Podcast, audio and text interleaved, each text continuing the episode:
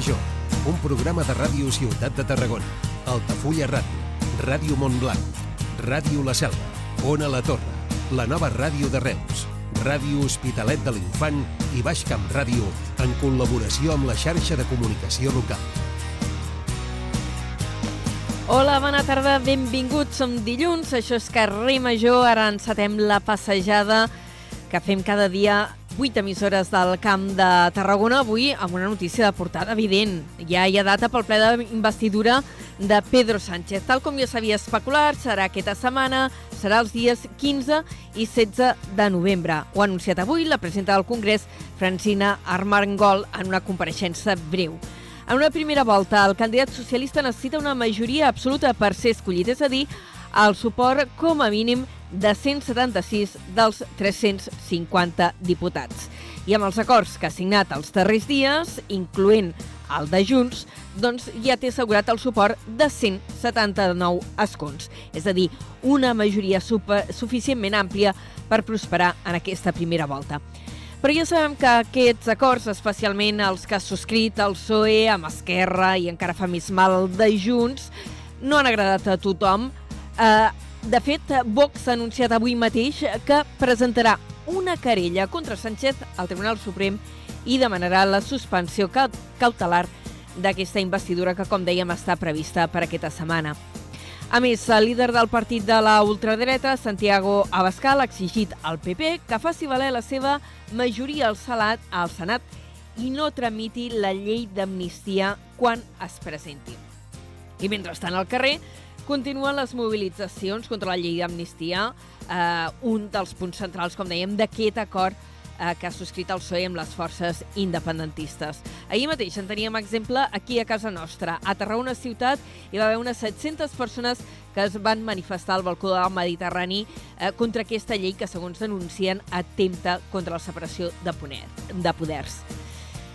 Avui, amb moltes eh, redaccions, quan s'ha sabut la data de la investidura, es deu haver sentit allò de pareu màquines.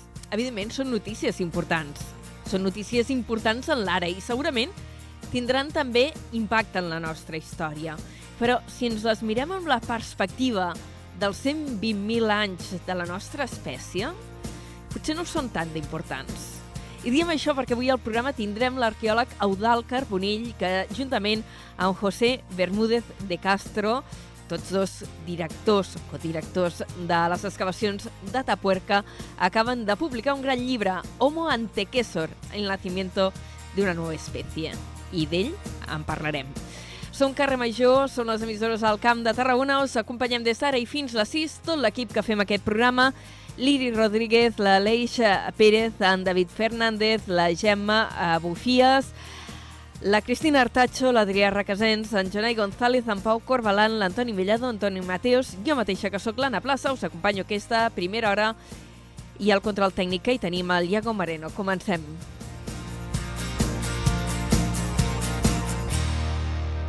Carrer Major, Anna Plaza i Jonai González.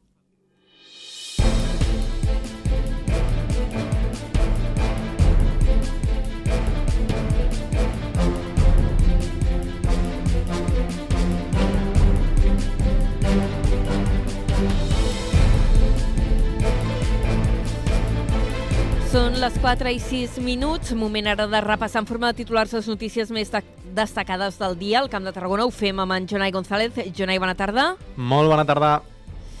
La Generalitat de Catalunya destinarà 1,7 milions d'euros en ajuts eh, per a noves inversions industrials a la vegueria del Camp de Tarragona. Aquests ajuts permetran mobilitzar una inversió total de 9,4 milions d'euros a la regió. I això ho sabíem divendres a la tarda, quan ja havíem acabat el programa. El jutjat d'instrucció número 1 de Tarragona ha obert judici oral contra els tres directius d'Icox en el moment de l'explosió. La instructora del cas imposa una fiança de responsabilitat civil de 20 milions d'euros als acusats. Bon preu eh, començarà la seva activitat a Montblanc, on té previst fer un gran centre logístic abans del febrer de 2025. El cap d'operacions del grup, Joan Sabartés, ha afirmat que estan a punt per començar a construir els dos magatzems que han d'acollir el centre logístic de la companyia. L'activitat de l'aeroport de Reus continua a l'alça i ha superat el milió d'usuaris en el que portem d'any. Aquest mes d'octubre els passatgers han augmentat més d'un 29% respecte l'any passat. Un jutge investiga l'actuació dels Mossos d'Esquadra en la detenció del pistoler de Tarragona. L'home va ser abatut quan es va trincerar en una masia amb espujols durant la seva fugida. La seva germana ha ratificat avui la denúncia davant del jutge. El Teatre Metropol de Tarragona tancarà portes el 21 de març de l'any vinent per fer-hi obres de rehabilitació. No només es rehabilitarà el teatre, sinó també tot l'edifici. Les obres implicaran el tancament de la Sala Trono i l'Ajuntament ja treballa amb la Generalitat per trobar un espai alternatiu. En esport repassarem els resultats del cap de setmana, començant pel Nàstic, que segueix amb una dinàmica negativa, en aquest cas amb un nou empat davant del Sestau River, un dels equips que estaven a la part baixa de la classificació. I en hoquei, debut a marc del Reus Deportiu Virgínies d'hoquei sobre patins al remodelat Palau d'Esports, on va caure per 3 a 5 davant el Calafell. En Cultura avui s'ha obert ja la 34a edició dels Premis Literaris Ciutat de Tarragona. Engloben el Premi, el Premi Novel·la Pini Soler, el Premi Beca de Traducció Vidal Alcover i el Premi de Narrativa Curta Internet Tinet. Tenim l'actualitat carregada, aquestes i altres notícies les repassarem d'aquí mitja hora, 40 minuts aproximadament, Jonai, llavors tornem a xerrar. Fins ara. Fins ara.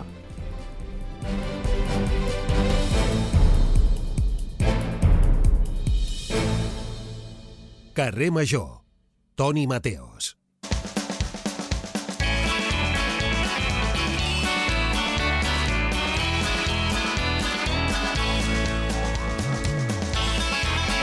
Toni Mateos, què tal? Amb lo bé que estava llevant a plaça aquest cap de setmana i arriba el dilluns per espatllar-lo tot. Ostres! Han passat coses, oi que sí? Sí. Oi que tu tenies uns plans i ja no? Sí, sí, sí, com ho saps, eh? Ai, pobre.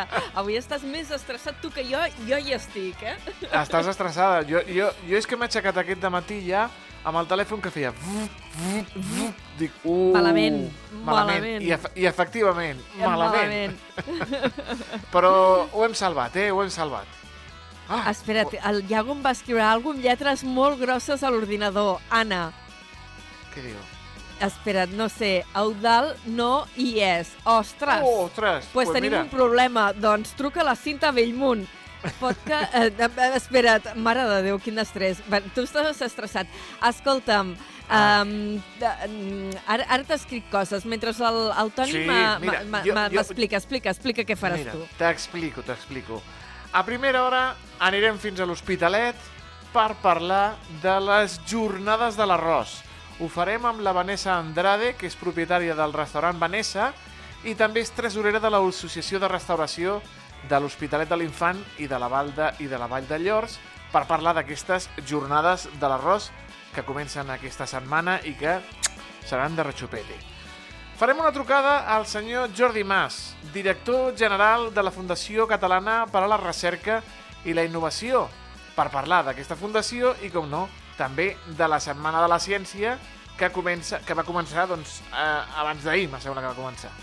Sí, Els aquests Tonis- dies estan, estan, estan a tope. Sí, els tonis us portarem, ja que s'ha bueno, ja que s'ha parlat de l'amnistia, del Pedro Sánchez, Ai, que ja sí. tenim data, no sé què, us portem una recopilació dels millors moments de les manifestacions antiamnistia. Home, Amb tinc frases el- que haurien d'estar gravades a foc en, en, en, en places i, i, i, i, i escultures. mira, jo et diré uh, que tinc el Josep Sánchez aquí a una a la torre Sí? viciadíssim. Llegint Viciadíssim. memes. Sí. Bueno, pues, pues aquí són els memes sonors. N'hi ha un que, bueno, que, bueno, Dios es espanyol, Dios es espanyol, bueno, eh, aquestes coses. Tindrem la banda sonora del Camp de Tarragona amb el David Fernández i la Furgo, si parlàvem de la Setmana de la Ciència, doncs més Setmana de la Ciència, amb aquest eh, cas, amb els protagonistes directes, que és el campus Catalunya URB, parlaran amb, la, amb Urbano Lorenzo, vicerrector de Política Científica de la URB i dels projectes interdisciplinaris. Què et sembla? Avui estem doncs, científics Em sembla totals. meravellós. Sí, sí, sí, perquè si Sí, apareix sí. el del Ah, Carbonell... Ah, sí, apareix el del Carbonell. I després, per desestressar-nos, doncs mira, eh, fatxes everywhere. Fatxes, fatxes. Mare de Déu. Mare... No, no m'agrada, eh? Ara t'hauria de posar allò careta somrient, no, careta de careta verda. Bueno, però Ara et posaria aquella que... careta verda de mareig. divertits. Ha, és, que, és que hi ha unes joies, Anna, hi ha unes Hi ha joies. unes joies. Oh. I he vist algun personatge que dius, però d'on me l'han tret aquesta persona? pues d'algun lloc l'han tret. Mira, Doncs fins i d'algun tot lloc. el S'ha ha fet el silenci. S'ha fet el silenci. El Iago Jo cada vegada m'espeso... Eh, quan, quan veig que posen lletres majúscules i comencen a escriure el guió, eh, torna la música. Torna la música. Això és el que Escolta, tenim ara. el que farem, com que encara no ha arribat a Eudald Carbonell, que a mi m'han assegurat al matí que ho tenia apuntat a l'agenda, el que Sí. farem primer, i ja li he dit uh, al, al nostre uh, Iago Moreno que, si plau primer truquem al Carles Cortés per parlar d'esports. I això és el que anem a fer ara. Home, doncs Mític. sort amb el Carles. Mític Carles Cortés. Doncs Mític. anem a prim a primer el truquem amb ell i després ja parlarem d'arqueologia. Fantàstic. Fins ara. Fins Adéu, ara, Anna. Toni. Adéu, adéu. Tot el que passa al Camp de Tarragona t'ho expliquem a Carrer Major.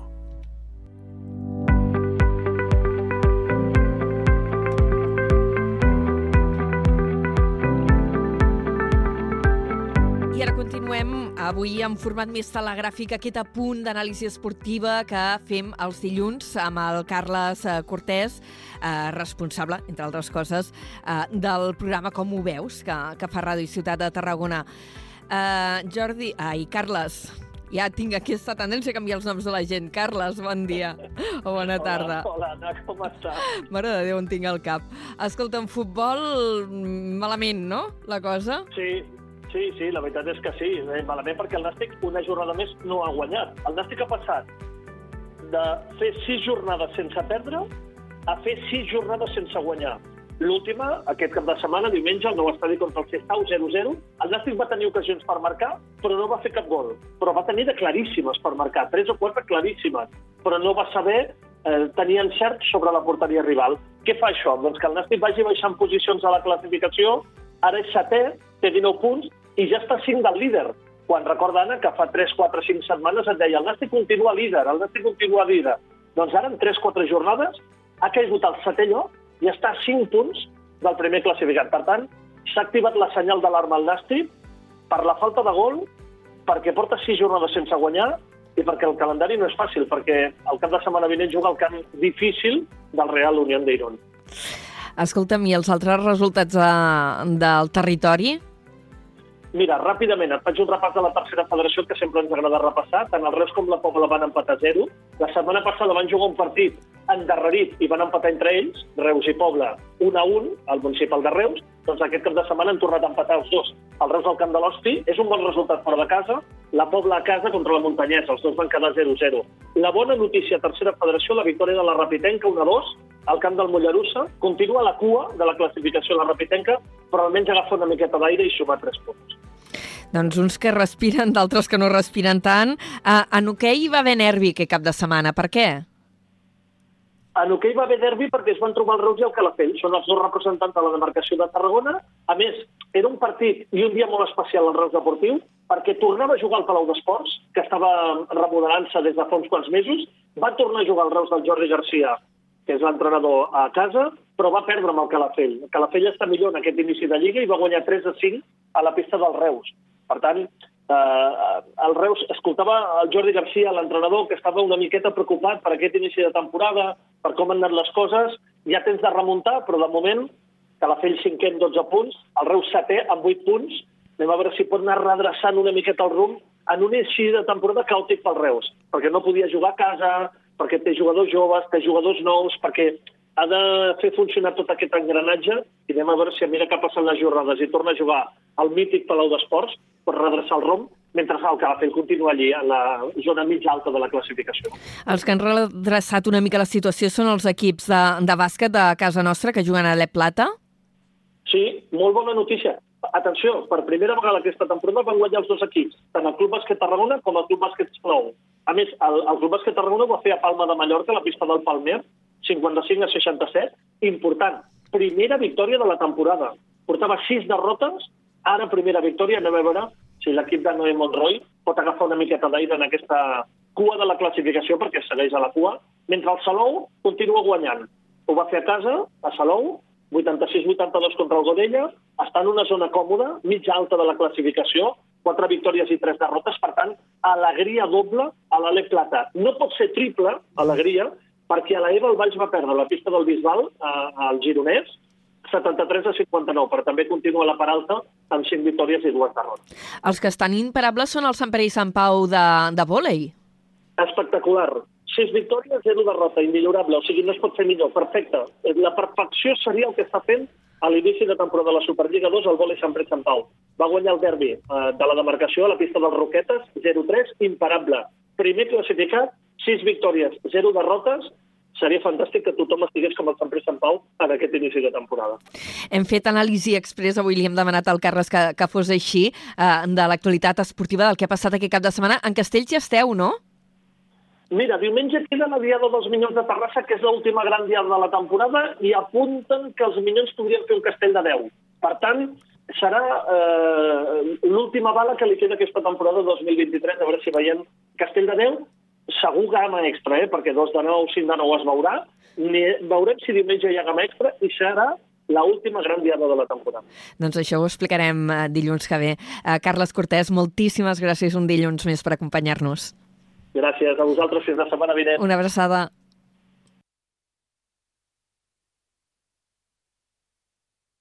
Estàs escoltant Carrer Major.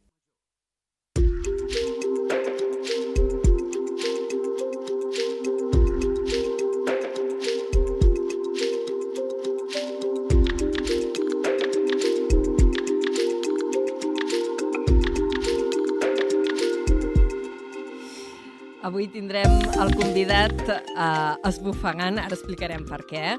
Eh, ja, hem, ja hem dit a la presentació eh, que avui el nostre convidat aquesta primera hora del programa, aquesta primera hora de Carrer Major, és l'Eudal Carbonell, segurament conegut per molts perquè és catedràtic de prehistòria, ara ja jubilat a la Universitat Rovira i Virgili, investigador de l'Institut de Paleocologia Humana eh, d'Evolució Social, l'IPES, codirector de les excavacions a Tapuerca, gran divulgador científic i ara juntament amb José María Bermúdez de Castro, amb qui precisament codirigeix a Tapuerca, acaben de publicar Homo antequesor, el nacimiento de una espècie. Un llibre que ha publicat Editorial Crítica, que és un referent en la divulgació científica a l'estat espanyol, és una de les grans editorials en aquest àmbit, i és un treball molt atractiu, molt a l'abast de tothom, molt curiós i teníem ganes de, de comentar-lo amb ell. I dèiem que deurà haver arribat esbufegant, eh, perquè de fet l'esperàvem fa una, esta, uh, una estoneta, uh, professor Carbonell. Hem anat d'un lloc a un altre, no? Em sembla que ha passat alguna cosa sí, així. exactament. No, no és que no sigui puntual, és que no he anat on havia d'anar. No passa res, és que ràdio... expliquem-ho eh, als, a, als oients. Ràdio Ciutat de Tarragona fa poc que ha estrenat eh, estudis i segurament jo m'imagino que el professor Carbonell se n'ha anat als altres, Segur, oi que bueno, sí? No passa res. Segurament. Escolti'm, amb aquest llibre que, que acabeu de publicar amb el, amb el seu soci, amic, eh, codirector, amb el José Manuel eh, Bermúdez de Castro, eh, destaca una cosa que hi ha al pròleg. El pròleg és eh, d'un dels historiadors de la ciència de referència a l'estat espanyol, en José Manuel Sánchez Rom, eh, que ha escrit moltes obres també de divulgació en aquest, eh, en aquest àmbit, i diu, el mundo de la ciencia no ha producido en España nada comparable por el interés como por repercusión, fent referència al que heu trobat a Tapuerca i que fa més de 30-40 anys que hi esteu treballant. 45. Imagina't. Sí, sí, mm -hmm. són molts anys, ja tota la meva vida. Hem, hem, passat, hem passat la vida a Tapuerca, no? M'he construït amb, aquest, amb aquests jaciments i amb aquesta història, que és una història no acabada, però que ha estat la meva vida, una part molt important de la meva vida. I avui que estàvem comentant amb els meus col·legues i tal, dèiem que Tarragona, en la descoberta de l'espècie que presentem en el llibre, ha estat molt important perquè van ser gent de Tarragona que van contribuir específicament a trobar aquest fòssil. Uh, sí, perquè era mm, vostè com a arqueòleg, una, una de les persones que van participar en les excavacions. Um, quan quan s'hi va incorporar? Això ho explica el llibre i ara no recordo la data de memòria, perquè si comença a ex- a excavar de manera regular cap a l'any 78, eh, i vostè s'hi incorpora a principis dels 80, oi? No, el 78. El mateix 78. Sí, jo sóc el, la persona dels que, bueno, que ara ens jubilem, sóc el veterà. José Mari, el, el, José Mari i el, i Juan Luis van incorporar cinc o sis anys després, sí. El llibre és un anecdotari, també eh, serveix per explicar com es fa ciència més enllà dels descobriments i també de les eh, dificultats que s'heu trobat a, al llarg de, de tota aquesta trajectòria de més de 40 anys, perquè actualment eh, Atapuerco és molt conegut, eh, està protegit a nivell internacional, fins i tot per la UNESCO. Les vostres publicacions han donat eh, la volta al món, estan ara ja molt consolidades, però al principi no era així. I això ho expliqueu al llibre, també. Mm, eh, jo, és, és una qüestió complexa. Heu de recordar que aquest país, eh, nosaltres som gent que vam néixer a la postguerra, som la gent que han contribuït específicament a aixecar el nivell del coneixement en l'evolució humana i en la ciència en aquest país i, per tant, quan vam fer aquesta descoberta encara podem dir molt clarament que no érem en l'àmbit científic eh, persones reconegudes. No? Llavors va xocar molt que una gent jove, estem parlant, no tenim 40 anys, no? que en aquest país poguessin, posessin nom a una espècie humana. No? La primera vegada a la història que investigadors eh, del país han posat nom a una espècie humana. Llavors vam tenir una controvèrsia molt important que al final ens ha anat donant la raó i ja fa 20 anys que, que ha anat evolucionant i aquesta espècie és una espècie molt consolidada. I aquesta controvèrsia venia sobre el debat, eh, i això també en parleu amb el llibre, eh, de quan dataven les primeres ocupacions domínics d'humans eh, al continent europeu, no? perquè sempre s'havia considerat que era més enllà en el temps, que era més modern, i eh, les troballes que feu a Tapuerca us porten a retrocedir molt aquesta data. Exactament, estava en aquest debat científic que va passar a Àfrica, va passar a Àsia i va passar a Europa, i nosaltres ens vam incorporar al debat va sortir un article a Nature, aquesta revista científica d'alta socialització i divulgació, que deia que no hi havia homínids a Europa més vells de 500.000 anys que havien trobat a Boxgrove, a Anglaterra. No? Nosaltres ens vam posar a treballar a Tàpora, que sabíem que hi havia nivells molt vells, i efectivament el 8 de juliol del 94 vam trobar restes esquelètiques d'un espècimen humà que era molt diferent, que tenia una cara com la nostra, i a partir d'aquí es, es va donar nom a una espècie, i aquí va començar la controvèrsia. Uh, en el llibre ho descriviu en el moment d'aquesta troballa, no? Perquè és uh, dos, uh, dos dents, em sembla, sí. recordar, que es troben en el nivell D6 de la, sí. de la Gran Dolina, que és un dels molts punts d'excavació que hi ha al macrojaciment de, de Tapuerca, mm i descriviu l'emoció que vau sentir en aquell moment. Ja, ja vau percebre amb aquelles petites peces que allò podia ser important. Per sí, què? Sí, perquè eh, a continuació aquestes dents, el, el Semari, que és el cotomí, ja va dir que, que eren unes dents molt estranyes, que a Europa no hi havia unes dents com aquelles, i ja van presumir que sortirien fòssils que canviarien la història de l'evolució a Europa, i així es va ser. Molt aviat va aparèixer aquest frontal, aquesta, aquesta cara, una cara diferent, que era com la nostra, i que canviava tot el que sabíem fins ara de la prehistòria. Mai ningú havia pensat que la nostra cara ja tenia un milió d'anys d'antiguitat. I així es va ser. I això i el canibalisme, demostrar que aquesta espècie havia estat molts eh, caçada, hi havia molts espècimens humans joves que havien estat menjats, va ser una revolució en aquell moment eh, fa 30 anys i que bé, que ara està una altra vegada com a espècie eh, sobre, el, el, sobre la taula perquè probablement ha format part de la família que ha donat lloc a les espècies modernes com els sàpiens, el neandertal i els denisova. Això també és una de les teories que, que vau formular, que aquesta espècie, l'Homo antequesor, eh, podria ser el precedent de la branca que divideix eh, neandertals i els homo sapiens, que som, seríem nosaltres, Eh, això està clar o encara no està clar? Ho vau postular en un primer moment, es va rebutjar? Eh, hi, ha una espècie, hi ha una espècie que encara s'ha d'identificar que seria aquest antecedent? Eh, situem aquesta controvèrsia. Sí, efectivament, està molt bé això que dius. La cara aquesta està a l'espècie antequesor, però nosaltres probablement hi pot haver una espècie. Diguem que nosaltres el que vam trobar és la tieta, la tieta de l'espècie. Vull dir, però que és la mateixa família. Vale. La tieta és la que ens permet, dic tieta, perquè si es troba, perquè aquest fòssil no s'ha trobat, mentre no es trobi vol dir que encara que no sigui directe és de la nostra família, perquè aquesta cara és la cara que tenim ara. És a dir, passi el que passi, es trobi o no es trobi, o Montequestro va ser la família que ha donat lloc a, a, a Sapiens i a Neandertals i a Denisovas. Uh, de fet, mira, aquesta cara, eh? la, la cara apareix a la portada del Sí. llibre, que és una il·lustra... No passa inadvertida, eh? No. Aquesta, Si la veieu amb un aparador, la... identificareu el llibre de seguida, perquè és un retrat entenc que fet eh, amb un dibuix científic a partir dels fòssils que heu trobat. No? Efectivament, està fet per un anatomista, és un notat científic, no és, una, no és un divertiment artístic, és un de, eh, reconstruït per un nostre amic, l'Anton, Maurici Anton, que és, és una persona que entén moltíssim, moltíssim, és de biòleg i que ha treballat molt en la reconstrucció d'aquests fòssils i bé, i, el, i el que dius tu és una cara molt, impact, molt impactant perquè li fa, és, hi, ha, hi, ha, hi ha una ganyota en els ulls que, que Sí. és importantíssima que fa una, la mirada de la Gioconda. Ens, ens interpel·la, eh? Sí. Aquesta, aquesta cara. Ens diu, no som tan diferents? Efectivament, ens està dient que és aquí que comença la modernitat.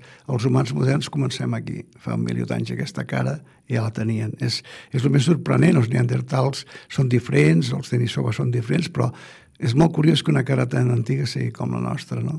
I què, què, és més important que tu, quan, has, quan hem començat, ho hem dit, la importància que ha tingut de, la gent de Tarragona, perquè aquesta descoberta sobre, es va fer per una planificació al meu despatx i bàsicament amb gent d'aquí del país, no? I jo, jo també interpel·lo els tarragonins pensar que aquest llibre ha estat estructurat perquè si no, si, si nosaltres no hagués fet la descoberta. Uh, ara que diu la, la importància de Tarragona, en el llibre també hi apareix una descripció del seu despatx a la Sí. Universitat Rovira i Virgili, Sí. quan no tenia la seu on és ara Campus Catalunya, sinó encara la seu vella. La pla... Eh, El defineix com una ratera, directament, eh? Sí, bé, allà saps les meves, idees, els pòsters comunistes, el d'allò, tot ple de- d'imatges, de, de pedres, d'una sèrie de qüestions, de pòsters, després ja, que, que bueno, formen la, la, una mica la meva personalitat, sí. Sí, sí, ple de llibres, eh, ple de Llibres. allò. Eh, eh, El seu col·lega diu que no entén com, com podia treballar en aquell espai tan és atapeït. veritat. Pensa quan vaig arribar a Tarragona, jo venia de Madrid, parlo una mica de la història molt ràpidament, em vaig fer funcionar la dutxa i tal, i per tenir temps per treballar dormia al despatx, encara que tingués, òbviament, apartament. Dormir al despatx em facilitava poder treballar 20 hores cada dia. Déu-n'hi-do, eh? Si no es Clar, treballa. suposo que, eh, clar, entre les classes, eh, Projectes, reunir els resultats de les... Es, clar, perquè les excavacions es fan a l'estiu, encara es continuen fent a l'estiu, però després el resultat s'analitza durant tot l'any. Efectivament. I pensa que, clar, quan nosaltres no, no fèiem vacances, jo he estat 30 anys sense fer vacances, nosaltres a l'estiu és quan la temporada alta, i llavors començaven Clar. les classes i empalmàvem, o sigui que pràcticament, eh, bueno, sí que fèiem vacances, fèiem una setmana per Nadal. Uh, dedueixo, llegint el llibre, que a les excavacions de Tapuerca heu suat Molt. a parts iguals, heu patit, heu Molt. tingut moments de crisi que n'expliqueu molts, Molts. però també s'ho heu passat molt bé, Sí, eh? sí, sí, Jo sí. crec.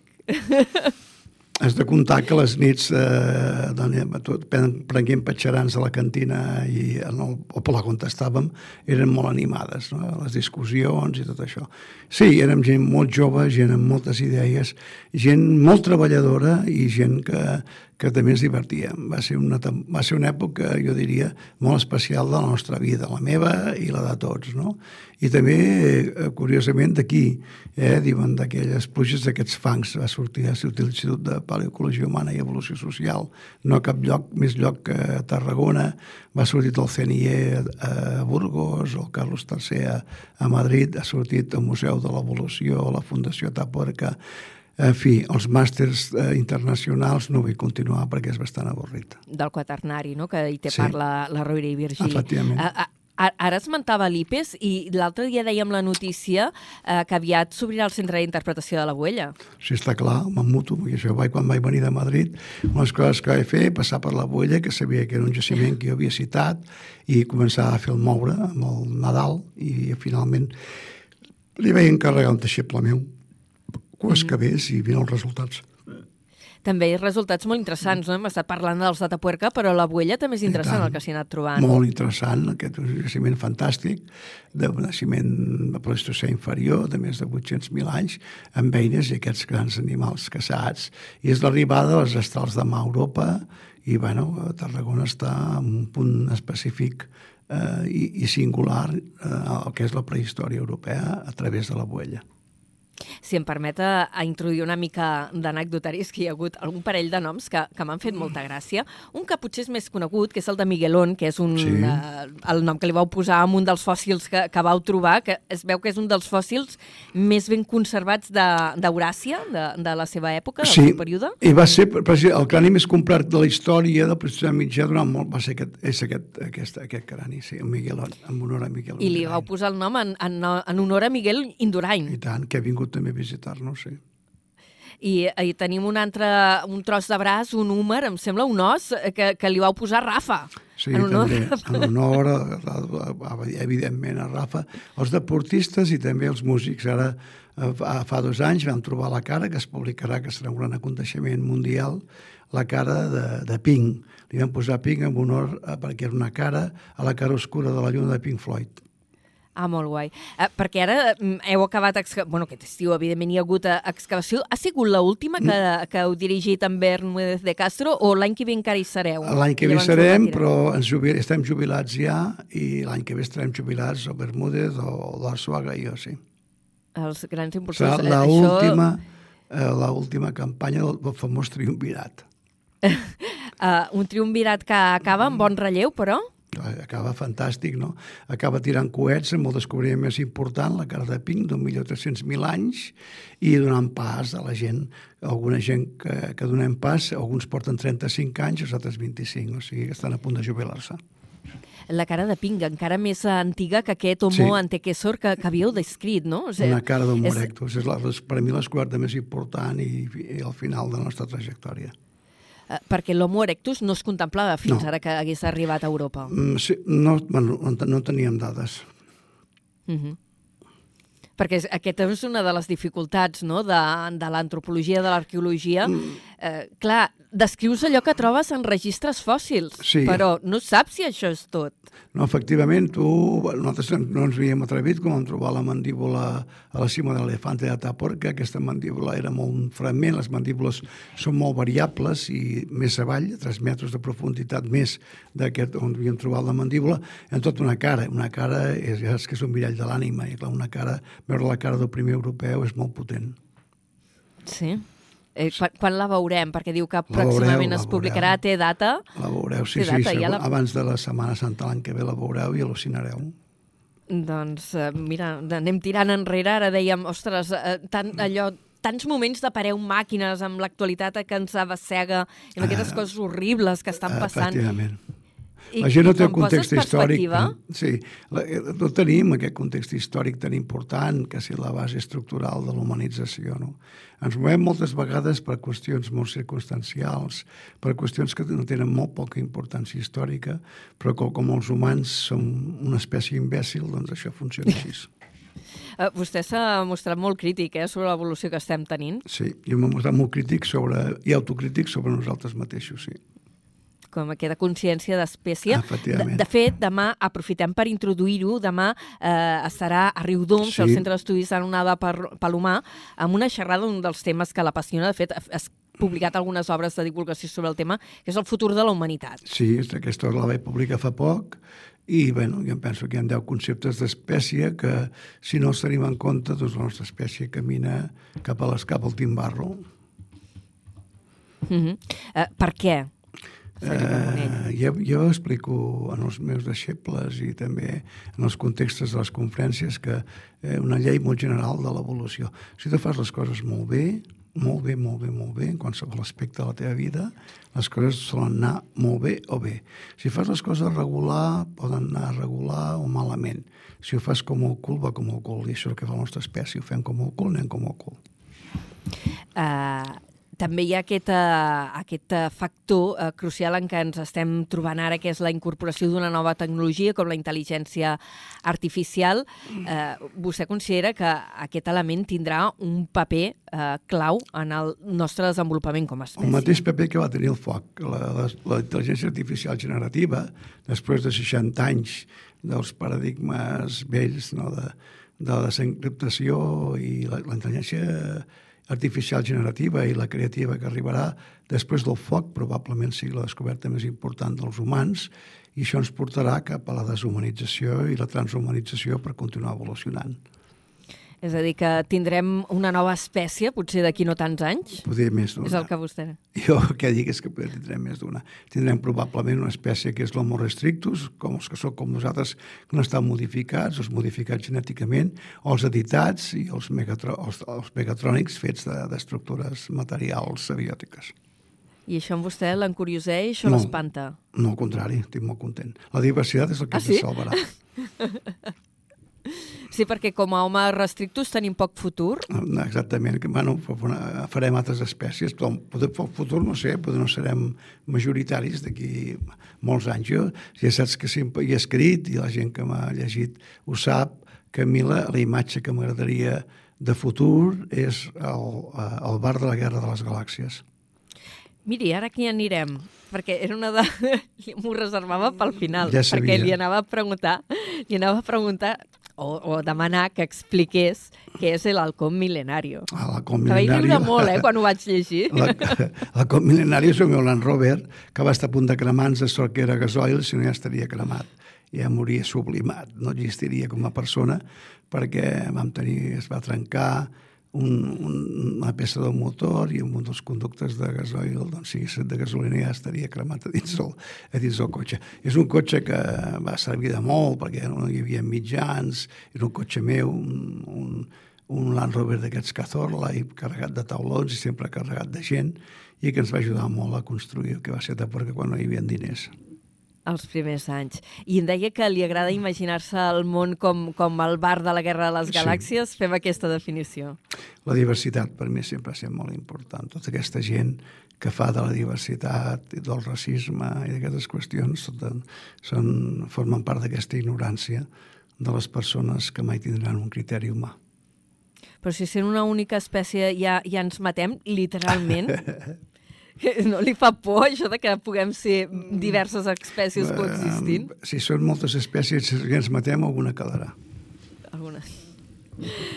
Hem conversat amb l'Eudal Carbonell, arqueòleg, eh, codirector eh, de les excavacions de Tapuerca, Premi Príncep d'Astúries, molt conegut aquí a Tarragona per seus anys de docència a la Universitat de, de Tarragona, la Universitat Rovira i Virgili, i que ara, juntament amb el seu soci, amic, company de treball, en José María Bermúdez de Castro, acaben de, de presentar aquest eh, gran treball, Homo Antequesor, molt divertit, molt divulgatiu, mm, molt assequible, eh, que no sé si teniu data de presentació a, a Tarragona uh, o encara no. De moment estem, em vaig presentar a Barcelona abans d'ahir, ho presentarem a Madrid i Burgos, i llavors aquí, amb aquests viatges que faig amb una ocasió, jo penso quan de fer, perquè aquest homo antecessor que estàs explicant és molt tarragoní perquè l'equip que vaig enviar jo per fer el sondeig, perquè jo feia les classes i vaig arribar, que va arribar, quan vaig anar cap a l'excavació, el 8 de juliol del, del 94 va ser, per tant, és un fòssil bastant tarragoní. Els tarragonins haurien d'estar molt orgullosos perquè aquesta espècie ha sortit de les hipòtesis i del treball de molts tarragonins. Tarragonins vol dir que han nascut aquí i han viscut a Tarragona doncs reivindicant aquesta tarragonitat també del Homo Antecessor, acomiadem l'Eudal Carbonell i agraïm moltíssim que avui hagi fet confiança a Carrer Major i encara que hagi sigut una mica atropellat això, ens ho hem molt. perdut pel camí, hem arribat, ho hem sí. pogut fer i hem pogut conversar una bona estona. Moltíssimes gràcies, felicitats pel llibre, que és un plaer llegir-lo. A vosaltres, que aquesta magnífica i documentada que una sessió que hem tingut. Es nota que, que com a mínim esteu molt, molt, molt, molt, molt documentats he disfrutat molt llegint. Això és ara, molt important professor. que ho diguis. Vinga, una abraçada molt gran. una abraçada gran.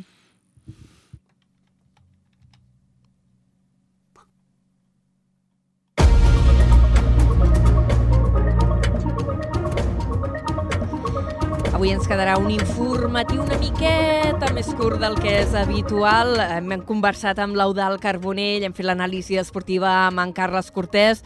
Eh, anem tard i ara estem donant també una miqueta més de temps perquè l'estudi de Ràdio Ciutat de Tarragona puguin fer el canvi de cadira l'Eudal Carbonell i en Jonai González, que és amb qui ara tot seguit eh, repassarem les notícies del dia. Les notícies del Camp de Tarragona avui eh, ben marcada per l'anunci que ha fet la Generalitat de Catalunya eh, pel que fa a subvencions a projectes industrials, ha comentat o ha anunciat que es destinaran 1,7 milions d'euros en ajuts per a noves inversions industrials al nostre territori, al Camp de Tarragona. Aquests ajuts permetran mobilitzar una inversió total de 9,4 milions d'euros a la vegueria. Uh, això suposa uh, crear uns 300 llocs de treball i eh, mantenir-ne, poder-ne mantenir uns 300 i crear-ne 89 de nous. L'import també ajudarà a 8 empreses. A nivell nacional, els sectors que han rebut més ajudes han estat el de la indústria de productes alimentaris, la fabricació de productes metàl·lics i també la indústria química. El conseller d'Empresa i Treball, Roger Torrent, destaca el pressupost i quin és el principal objectiu d'aquestes ajudes aquesta línia a mig i llarg termini contribueix també a fer créixer les empreses, a millorar la dimensió de les empreses, a garantir la presència territorial i per tant a fixar també la gent al territori, ho hem parlat a la reunió anterior, ajudes d'aquest tipus generen llocs de treball que permeten um, que hi hagin comarques doncs, que es pugui lluitar contra el despoblament. La línia d'ajuts té una dotació total de 45 milions d'euros i és la més gran de la història del govern. En total, a Catalunya es calcula que beneficiarà unes 200 empreses i afavorirà uns 20.000 llocs de treball. Notícia avui de portada i això ho vam saber divendres quan ja havíem acabat el, el programa, però és eh, notícia de transcendència que el jutjat d'instrucció número 1 de Tarragona ha obert judici oral contra els tres directius d'ICOXE en el moment de l'explosió. Són José Luis Morlandes, Juan Manuel Rodríguez Prats i Gerardo Adrio. La instructora del cas imposa una uh, fiança de responsabilitat civil de 20 milions d'euros als acusats. La jutgessa acusa els tres exresponsables de l'empresa de tres delictes d'homicidi imprudent, tres d'estralls, 10 delacions imprudents, tres delacions lleus imprudents i un delicte de danys imprudents. També els atribueix els delictes de funcionament habitual de l'empresa en condicions inadequades de seguretat i un altre contra els drets dels treballadors. Paral·lelament, processa l'empresa com a persona jurídica per aquests dos últims delictes i el d'estralls i hi ha hagut reaccions polítiques. Aquesta obertura del judici oral, que s'ha confirmat des de la CUP de Tarragona, celebren la mesura. La formació anticapitalista actua com a acusació particular en aquest procediment. La CUP remarca la importància d'aquesta causa per aconseguir un punt d'inflexió en relació a la impunitat amb la que actua el complex petroquímic. Bonpreu començarà la seva activitat a Montblanc amb el gran centre logístic que hi té projectat abans del febrer de 2025. Joan Sabartés, director d'operacions del grup Bonpreu, ha afirmat que estan a punt per començar a construir els dos magatzems que han d'acollir el centre logístic de la companyia. Ens ho explica des de Ràdio Montblanc el Pere Artila. Les obres del futur centre logístic de Bonpreu a Montblanc podria començar a finals de l'any vinent o principis del 2025. De fet, l'empresa, que divendres passat va ser a Montblanc amb la consellera de Territori, Esther Capella, i també amb l'alcalde de Montblanc, Josep Andreu, van reformar el seu compromís amb Montblanc. Joan Sabartés és el director d'operacions de Bonpreu. Aposta Montblanc també per nosaltres és una aposta pel, per la gent de Montblanc, per la gent de la Conca de Barberà, pels productes de la Conca de Barberà i esperem que aquesta inversió que farem tan aviat com sigui possible i tan aviat ens entreguin les parcel·les, doncs eh, ajudi a la dinamització econòmica del, de, de la Conca de Barberà. La consellera va fer divendres una visita d'obres al polígon logístic de Cimalsa a Montblanc que van començar ara fa unes setmanes. Bonpreu confia poder començar les obres doncs, abans del febrer del 2025, que és quan està previst que acabin els treballs d'urbanització del polígon logístic de, de Cimalsa a Montblanc. Ajuntament i Generalitat han celebrat que després de tants anys el polígon logístic sigui una realitat. Esther Capella és la consellera de Territori. I el procés per arribar fins aquí ha estat molt llarg, i ha estat possible perquè parlem d'un projecte estratègic per a aquesta part del territori, per la Conca de Barberà, pel, per Montblanc i, en definitiva, pel país sencer. Les obres d'urbanització tenen un termini d'execució de 17 mesos i un pressupost de 9 milions d'euros. I més dades econòmiques. Avui ens arriben des de l'aeroport de Reus, que ha registrat més d'un milió d'usuaris en el que portem d'any. Aquest mes d'octubre els passatgers han augmentat més d'un 29% respecte a l'any passat. Eh, Dades, doncs, eh, positives d'evolució. Ens ho expliquen des de la nova ràdio de Reus, en David Fernández. Al llarg del mes d'octubre, prop de 127.000 persones han passat per l'aeroport de Reus, un 29,3% més que l'any passat. D'operacions n'hi ha hagut més de 18.000, una xifra similar a la de 2022, ja que només s'incrementa en un 1,2%. Si mirem el nombre total de vols, al llarg d'aquest mes n'han operat més de 1.900, un 14,6% menys que l'any anterior. Aquestes xifres signifiquen que l'aeroport de Reus ha rebut ja més d'un milió de passatgers entre els mesos de gener i octubre, amb un creixement del 14,4% respecte a l'any passat. Moltes gràcies. En clau general ja us ho hem dit, la notícia del dia és que ja hi ha dates pel ple d'investidura de Pedro Sánchez. Serà aquest dimecres i dijous. Tot i les crítiques que ja està havent a Tarragona, de fet, ahir unes 700 persones es van concentrar al balcó del Mediterrani, convocades pel PP, per protestar contra la llei d'amnistia, que és una de les bases d'acord d'investidura.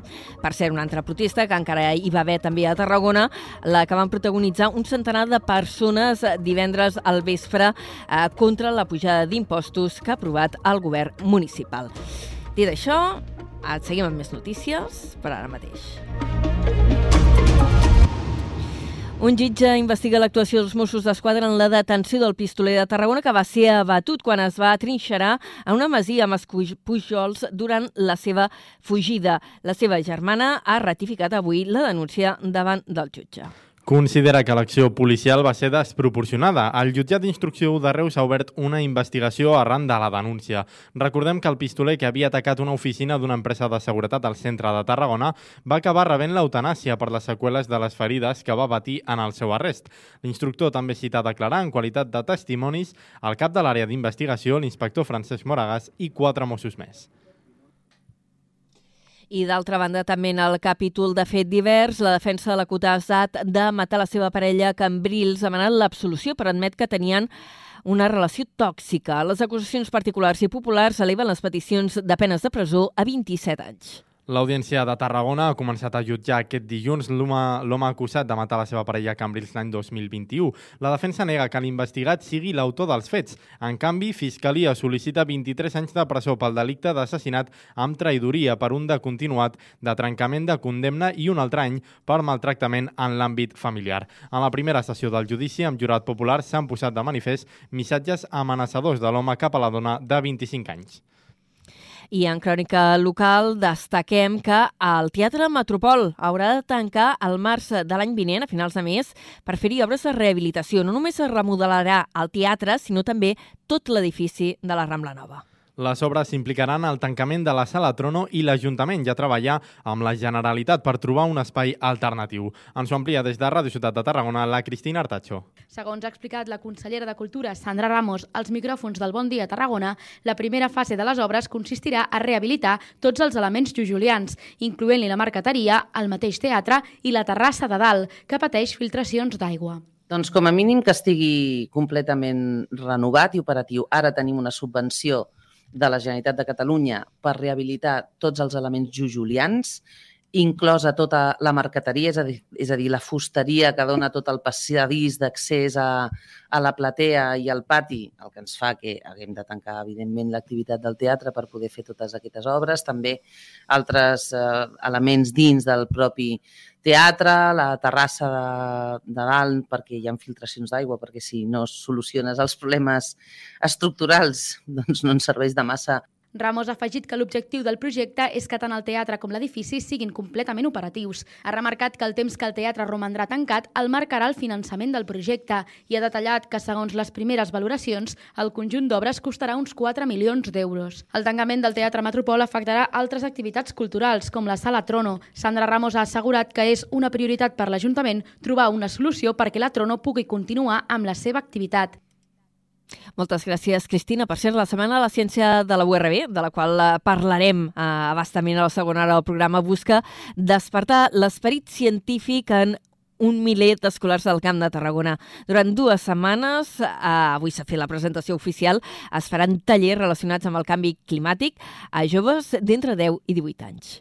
L'objectiu és despertar l'esperit científic dels joves que, amb el suport dels alumnes dels graus de Química i Enginyeria Química, faran experiments relacionats amb la lluita contra el canvi climàtic. El rector de la Universitat Rovira i Virgili, Josep Pallarès, destaca la importància de l'acostament de la ciència a tothom.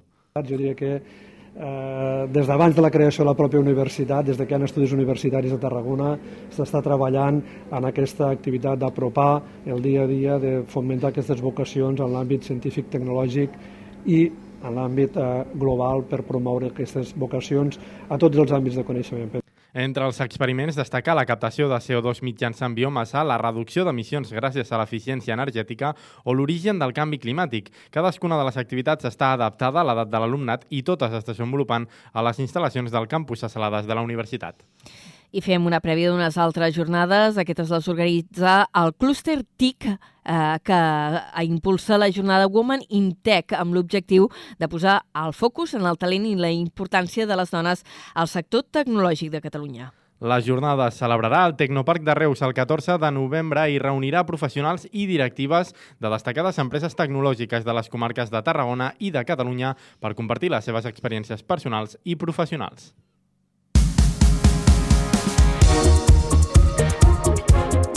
4 i 54 minuts, anem a parlar d'esports, començant pel Nàstic de Tarragona, que segueix en dinàmica negativa amb un nou empat, en aquest cas davant del Sestau River, un dels equips que està a la part baixa de la classificació. Els granes no van poder trencar l'empat ni anotar a la porteria rival. De fet, els de Dani Vidal sumen gairebé 7 hores sense aconseguir un gol. L'equip va ser superior al conjunt basc fins ara penúltim classificat, però no va estar encertat de cara a porteria i va acabar sense anotar ni un sol gol. Una setmana més. El Sestau va competir però sense generar cap mena de perill sobre la porteria de Baro. Va estar impecable sense pilot al Nàstic, però li va mancar precisió i encert en l'apartat ofensiu. Pablo Fernández a la primera part i especialment Marc Fernández en els últims compassos de partit, van tenir l'oportunitat d'obrir el marcador, però no va ser així. L'equip es, troba, es troba en una situació delicada i necessita trencar-la amb urgència per evitar que neixin uns fantasmes molt difícils de fer desaparèixer. I parlem també del debut a mar que ha tingut el Reus Deportiu Virgínies d'hoquei sobre patins al remodelat Palau d'Esports, on va caure per 3 a 5 davant del Calafell. Una primera part complicada i la dificultat de defensar les transicions van deixar sense sumar cap punt als reusencs. Ens ho amplia des de la nova ràdio de Reus, l'Aleix Pérez. Derrota del Reus Deportiu Virgínies per 3 a 5 davant el Calafell. El partit ha començat bonic, directe i vertical amb els dos equips sortint al contraatac. En una d'aquestes ha arribat el primer gol, obra d'Oriol Vives. La diferència s'ha fet més gran abans del descans, quan Jepi Selva ha culminat una gran jugada individual i Jan Escala ha deixat tocats els locals amb un gran contraatac. Després d'aquesta primera part complicada, la desena falta del Calafell Calafell ha permès anotar a Marc Julià amb una gran falta directa i Martí Casas ha posat els reusencs a tan sols un gol per sota amb un gran xut elevat. A 7 minuts pel final, Arnau Canal ha posat cap per avall al Palau amb un míssil, però s'ha contestat gairebé el moment per part de Jepi Selva amb una rematada al segon pal. Ja a tomba oberta i sense portar els visitants han fet el cinquè. Escoltem a Jordi Garcia, entrenador del Reus Deportiu Virgínies. Crec que mereixem més, bastant més, ja portem molts dies mereixent-nos més, però estem en una dinàmica actualment que amb poca cosa ens fan ens fan molt de mal, sobretot gols de transició. Debut complicat dels reusencs al nou Palau d'Esports, que hauran d'esperar per aconseguir-hi una victòria. Ens queda menys d'un minut. L'altre re resultat esportiu destacat, en bàsquet, bones notícies per als dos equips de la demarcació que competeixen a l'Ale Plata, tant pel CBT com pel Salou. Els tarragonins van aconseguir la primera victòria de la temporada per 55 a 67 davant el Palmer Bàsquet Mallorca i el Salou va guanyar davant l'Horta Godella per 86 a 82. I en cultura, només per acabar un apunt, s'ha convocat ja la 34a edició dels Premis Literaris Ciutat de Tarragona, un cartell de premis que, recordem, inclou el Premi de novel·la Pini Soler, que és un dels més ben dotats de Catalunya, en català, el Premi Beca de Traducció Vidal Alcover, dels pocs que hi ha de premis de traducció, i el Premi de Narrativa Curta Tinet. Dit això, tanquem la primera hora de carrer Major. Ara hi tornem amb més continguts a partir de les 5. Adéu.